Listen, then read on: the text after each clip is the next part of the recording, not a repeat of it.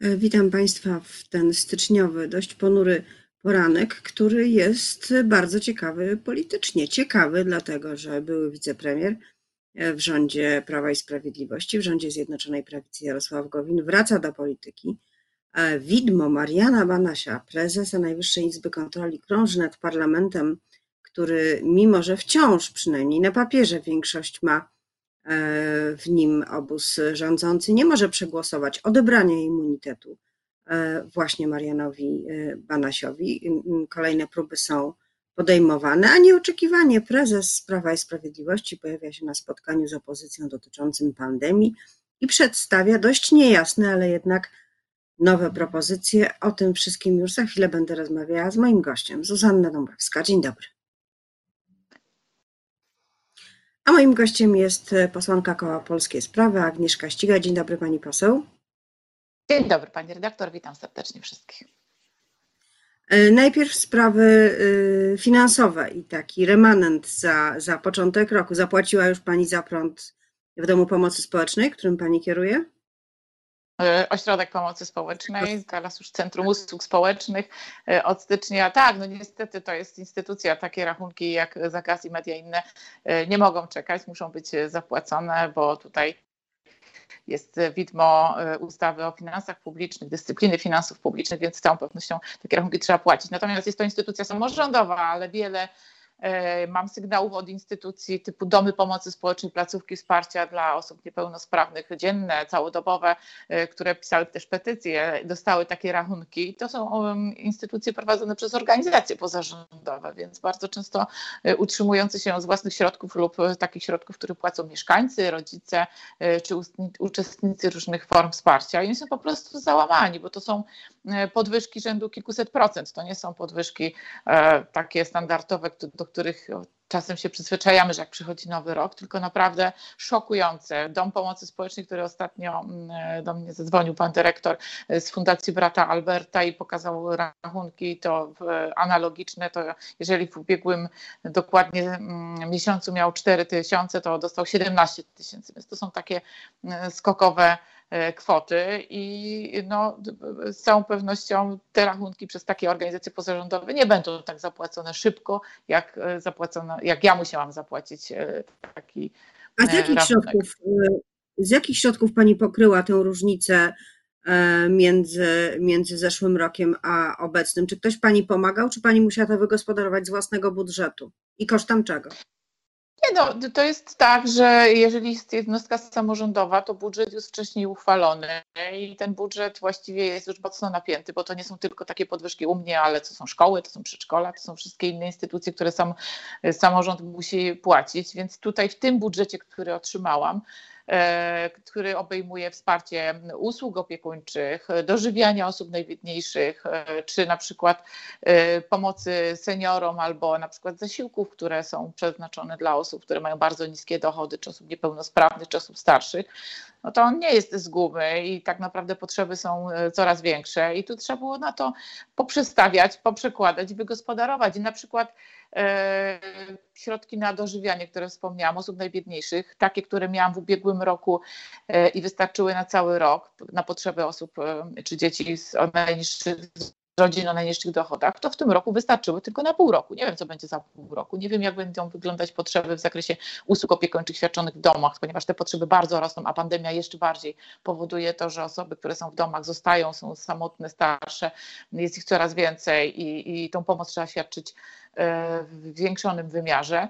E, więc zastanawiam się, czy rząd w trakcie roku przeznaczy jakieś e, środki większe, no bo to jest, e, to są potrzeby, których no nie da się ominąć w jakiś sposób, bo mm, nie da się ludzi zostawić na przykład bez jednego gorącego posiłku albo bez godziny czy dwóch wsparcia osoby, która przyniesie zakupy osób starszych i potrzebujących.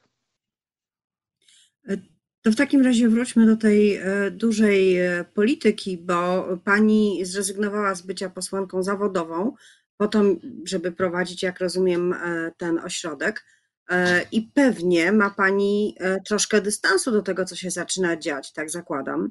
A zaczyna się dziać, prawda? Bo ciągle mamy do czynienia z nowymi politycznymi układami, propozycjami.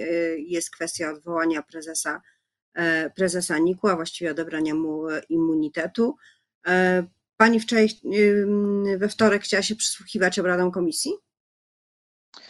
Tak. E, e, właśnie wczoraj byłam pod drzwiami komisji regulaminowej. Mm, chciałam zobaczyć, jak będzie przebiegać dyskusja i w jaki sposób mogę podjąć decyzję podczas głosowania, bo jako parlamentarzysta chciałabym tę decyzję podjąć świadomie, więc rozumiem, że na komisji byłyby przedstawione argumenty, które mogłyby mnie przekonać do tego, aby zagłosować za tym odebraniem immunitetu lub nie zagłosować. No i niestety nie zostałam wpuszczona ja i mój kolega poseł Sośnierz. To jest coś niesamowitego, ponieważ pani redaktor powiedziała, że ja złapałam dystans. Nie, ja mam większą złość, ponieważ e, pracując i realizując niektóre ustawy, czy patrząc na to, co się dzieje mm, i jak ludzie, jak ludzie mają nastroje i jak naprawdę e, ten rok bardzo mocno po kieszeni uderzył wielu y, osób, ale nie tylko jeśli chodzi o osoby, ale też i firmy, które e, bardzo często w moim najbliższym otoczeniu zawieszają, to ja nie mam dystansu, tylko złość, że E, państwo jest tak, jak tak wygląda,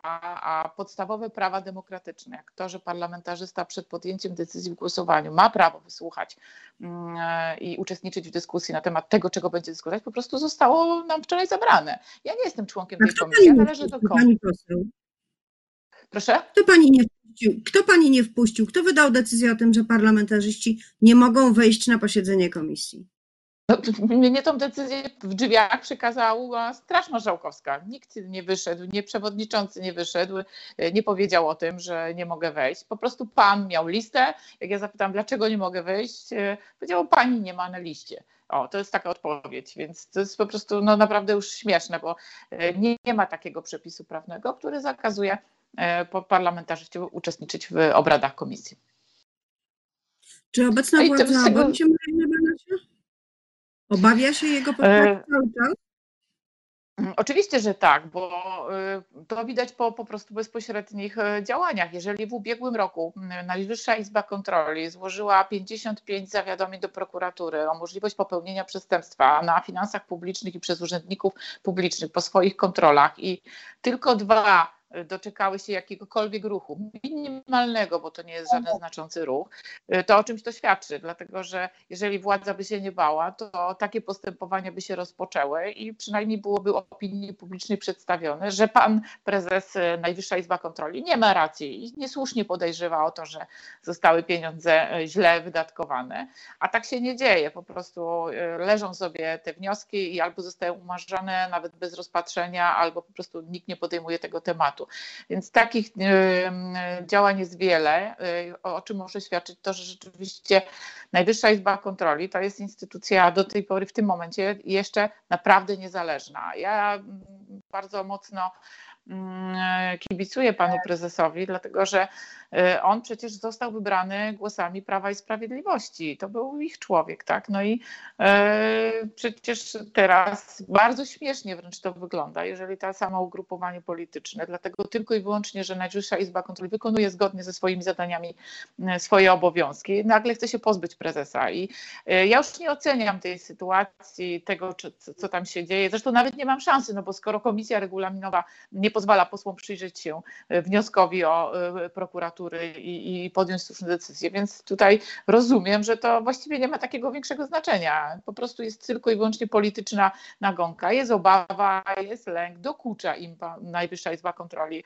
e, ponieważ pokazuje różne e, patologie wydawania środków finansowych. No i tak się właśnie dzieje, że najchętniej można usunąć i posadzić swojego człowieka na ostatnim niezależnym e, organie.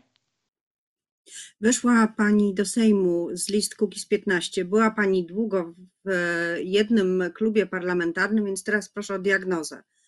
W którym miejscu politycznie jest Paweł Kukiz? Czy on jest y, Pani zdaniem członkiem koalicji rządzącej, czy też jest e, niezależnym centrystą, czy też bliżej mu w tej chwili już e, do opozycji? Czy to może jest licytacja tych szabel, którymi dysponuje, ogłoszona powszechna? E, znaczy, mogę powiedzieć z całą pewnością, że Paweł Kukiz e, no, chyba pozostaje mocno sobą, czyli jest osobą dość dużym poziomem niezależności. E, ja nie zdecydowałam się pójść razem z nim jego drogą, walcząc o te postulaty. Nigdy tych postulatów się nie wyrzekłam. Uważam, że ona po prostu, ta droga, którą obrał Paweł Kukiz, może się nie okazać nieskuteczna, ale szczerze mu kibicuję, dlatego że ustawy, które były sztandarowymi projektami Kukiz 15, to są ustawy, które dopiero gdy one wejdą, to one naprawdę zmienią sytuację polityczną w Polsce i spowodują, że ta polityka stanie się bardziej skoncentrowana na problemach ludzi, a nie na problemach y, tylko i wyłącznie partii i polityków. Y, ale jaką drogę Paweł Kukiz obierze, żeby osiągnąć te swoje cele, to ja do końca nie wiem i to trzeba byłoby jego pytać. Wydaje się, że on w tej chwili mm, stawia Prawo i Sprawiedliwość no, w takim e, potrzasku i rzeczywiście te trzy szable, którymi dysponuję, no, mogą wiele zmienić I, i e, tylko pytanie, czy mm, Prawo i Sprawiedliwość nie poradzi sobie w jakiś taki okrutny sposób z tymi trzema szablami, jak już to miało miejsce w historii e, różnych koalicjantów z Prawa i Sprawiedliwości. Zagrozi, kupi, co może zrobić w okrutny sposób Prawo i Sprawiedliwość? To nie wiem, zobaczmy, przyjrzyjmy się, jak e, mocno ucierpiało i straciło na swoim e, funkcjonowaniu na przykład porozumienie mm, Jarosława Gowina. E, czy wcześniejsi koalicjanci z ubiegłych lat? Ja mam wiele znajomych z Ligi Polskich Rodzin, którzy funkcjonowali dość długo, dwa lata w koalicji z Prawem i Sprawiedliwością. Widzimy, że partia władzy mm, często wykorzystuje tę władzę bezwzględnie, używa różnych narzędzi, które e, nie do końca mm, są e, uczciwe i takie klarowne. No, mamy ostatnio dużo o, e, mowy o mm, narzędziu, jakim jest Pegasus. Widzimy, że rzeczywiście czasem idzie jak taran i bezwzględnie albo podkupuje E, głosy posłów albo w jakiś inny sposób wymusza na to, że mm, zbiera sobie tą większość parlamentarną. Więc wydaje mi się, że no, mm, jak się na stałe bierze ślub z kimś takim, kto Y, używał już wielokrotnie różnych y, narzędzi, to trzeba się liczyć z tym, że te narzędzia zostaną również użyte e, wobec takiej osoby czy, czy takiej mm, organizacji, która nagle postanowi jednak iść inną drogą i zmienić zdanie, albo nie, nie godzić się na wszystkie e, elementy, które e, sobie ta partia władzy wymyśli. Politycy się nie zmieniają, a w każdym razie rzadko, być może zmieniają przynależność polityczną, ale chciałam zapytać, czy y, wierzy Pani w to, że powstanie w Sejmie właśnie za sprawą Pawła Kukiza, Kukiza Sejmowa Komisja Śledcza do sprawy y, Pegasusa. Czy ten projekt ma szansę w tej sytuacji, kiedy jest no cały czas z wyliczeń wynika 230 do 230 głosów? W polityce można e, wierzyć tylko i wyłącznie e, w ideały, które, z którymi się do tej polityki przyszło i mocno im e, być wiernym, natomiast nie rzeczywiście trudno mówić o to, żeby się wierzyło w to, co się w polityce zadzieje. Ja kibicuję Pawłowi Kukizowi i kibicuję również tej komisji śledczej. Nie dlatego, że wierzę w cudowną moc komisji śledczych, bo też jak historia pokazywała, one też za wiele nie wnosiły w czystość życia e, politycznego, ale w tym momencie mamy do czynienia z sytuacją, która e, no, może dotykać wszystkich e, obywateli i, i rzeczywiście wokół niej narosło dużo różnych informacji, które nie powinny być informacjami przekazywanymi przez dziennikarzy i media. I to też nie chodzi o to, że one są złe, tylko że w przestrzeni publicznej pojawiło się narzędzie opinii, które najpierw było wyśmiewane przez polityków, bardzo mocno kręcono wokół tego tematu więc wydane są na to pieniądze publiczne narzędzie, które jest niebezpieczne, jak pan prezes Kwiatkowski mówi, nawet takie, które prawdopodobnie jest e, nielegalne i wielu sędziów też tak e, przecież wskazuje. Narzędzie, które może być zagrożeniem dla bezpieczeństwa kraju, bo przecież jeżeli nie dowiemy się i nie wiemy, jak on funkcjonuje, to w tej chwili mamy takie informacje, że wszystkie potencjalne podsłuchiwane rozmowy mogą być na serwerach w Izraelu i ktoś inny jeszcze może dysponować informacjami, które zostały wyciągnięte w pewnie nieuczciwy sposób przez władzę, więc warto opinii publicznej przedstawić całą tą sytuację wokół tego narzędzia i nie wolno już kręcić. Myślę, że to komisja śledcza mogłaby mm,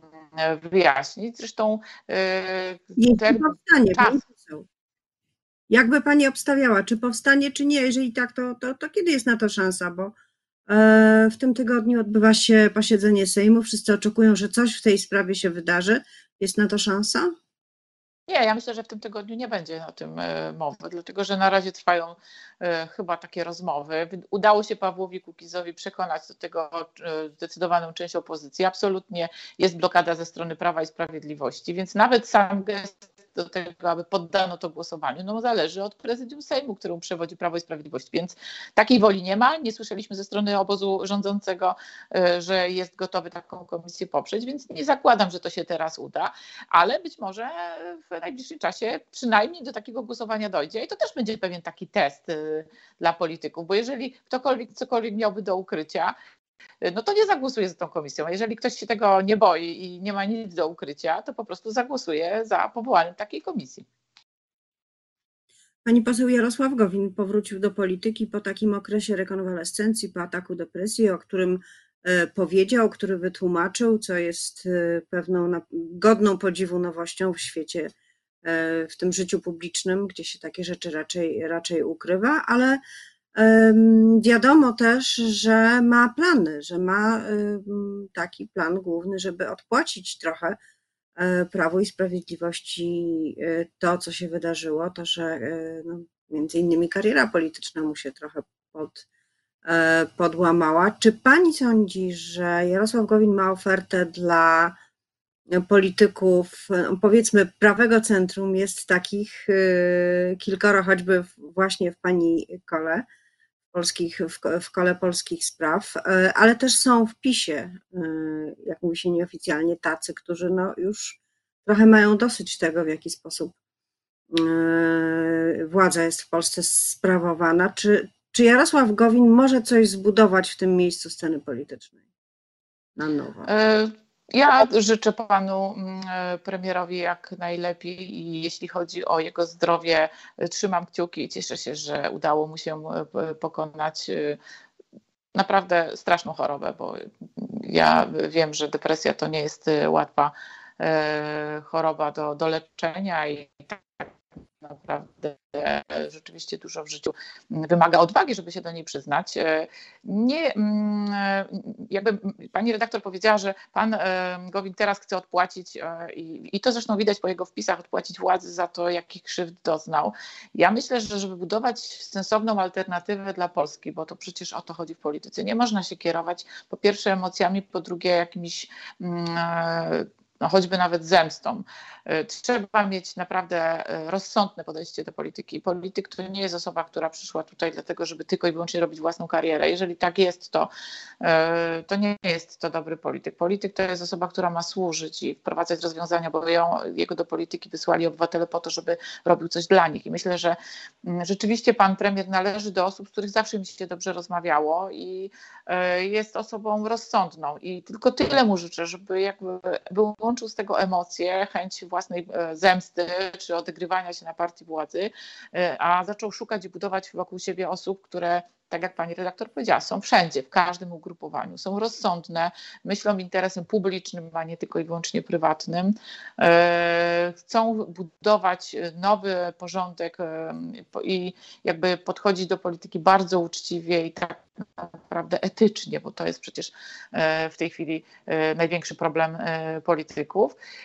Ja do takich osób należę, też bym się kształtował, też bym się mm, usytuowała w takim centroprawicowym kierunku zdroworozsądkowym i myślę, że będziemy wielokrotnie, tak jak już to miało miejsce, rozmawiać, ale nie o zemście na Prawie Sprawiedliwości, bo to nie jest dobra pobudka do działania, ale przede wszystkim o dobrej, przyszłej alternatywie i budowania sensownego rządu po tym, jak Prawo i Sprawiedliwość no bądź co bądź popsuło mnóstwo w tym naszym państwie kochanym. Zakończyła Pani bardzo głębokim westchnieniem nad tym, co też popsuło Prawo i Sprawiedliwość, więc y, pozostawmy to jako puentę rozmowy. Bardzo dziękuję za dzisiejsze analizy. Moim gościem była dziękuję posłanka sprawy. Agnieszka Ścigaj. Miłego dnia. Dziękuję, dziękuję wzajemnie.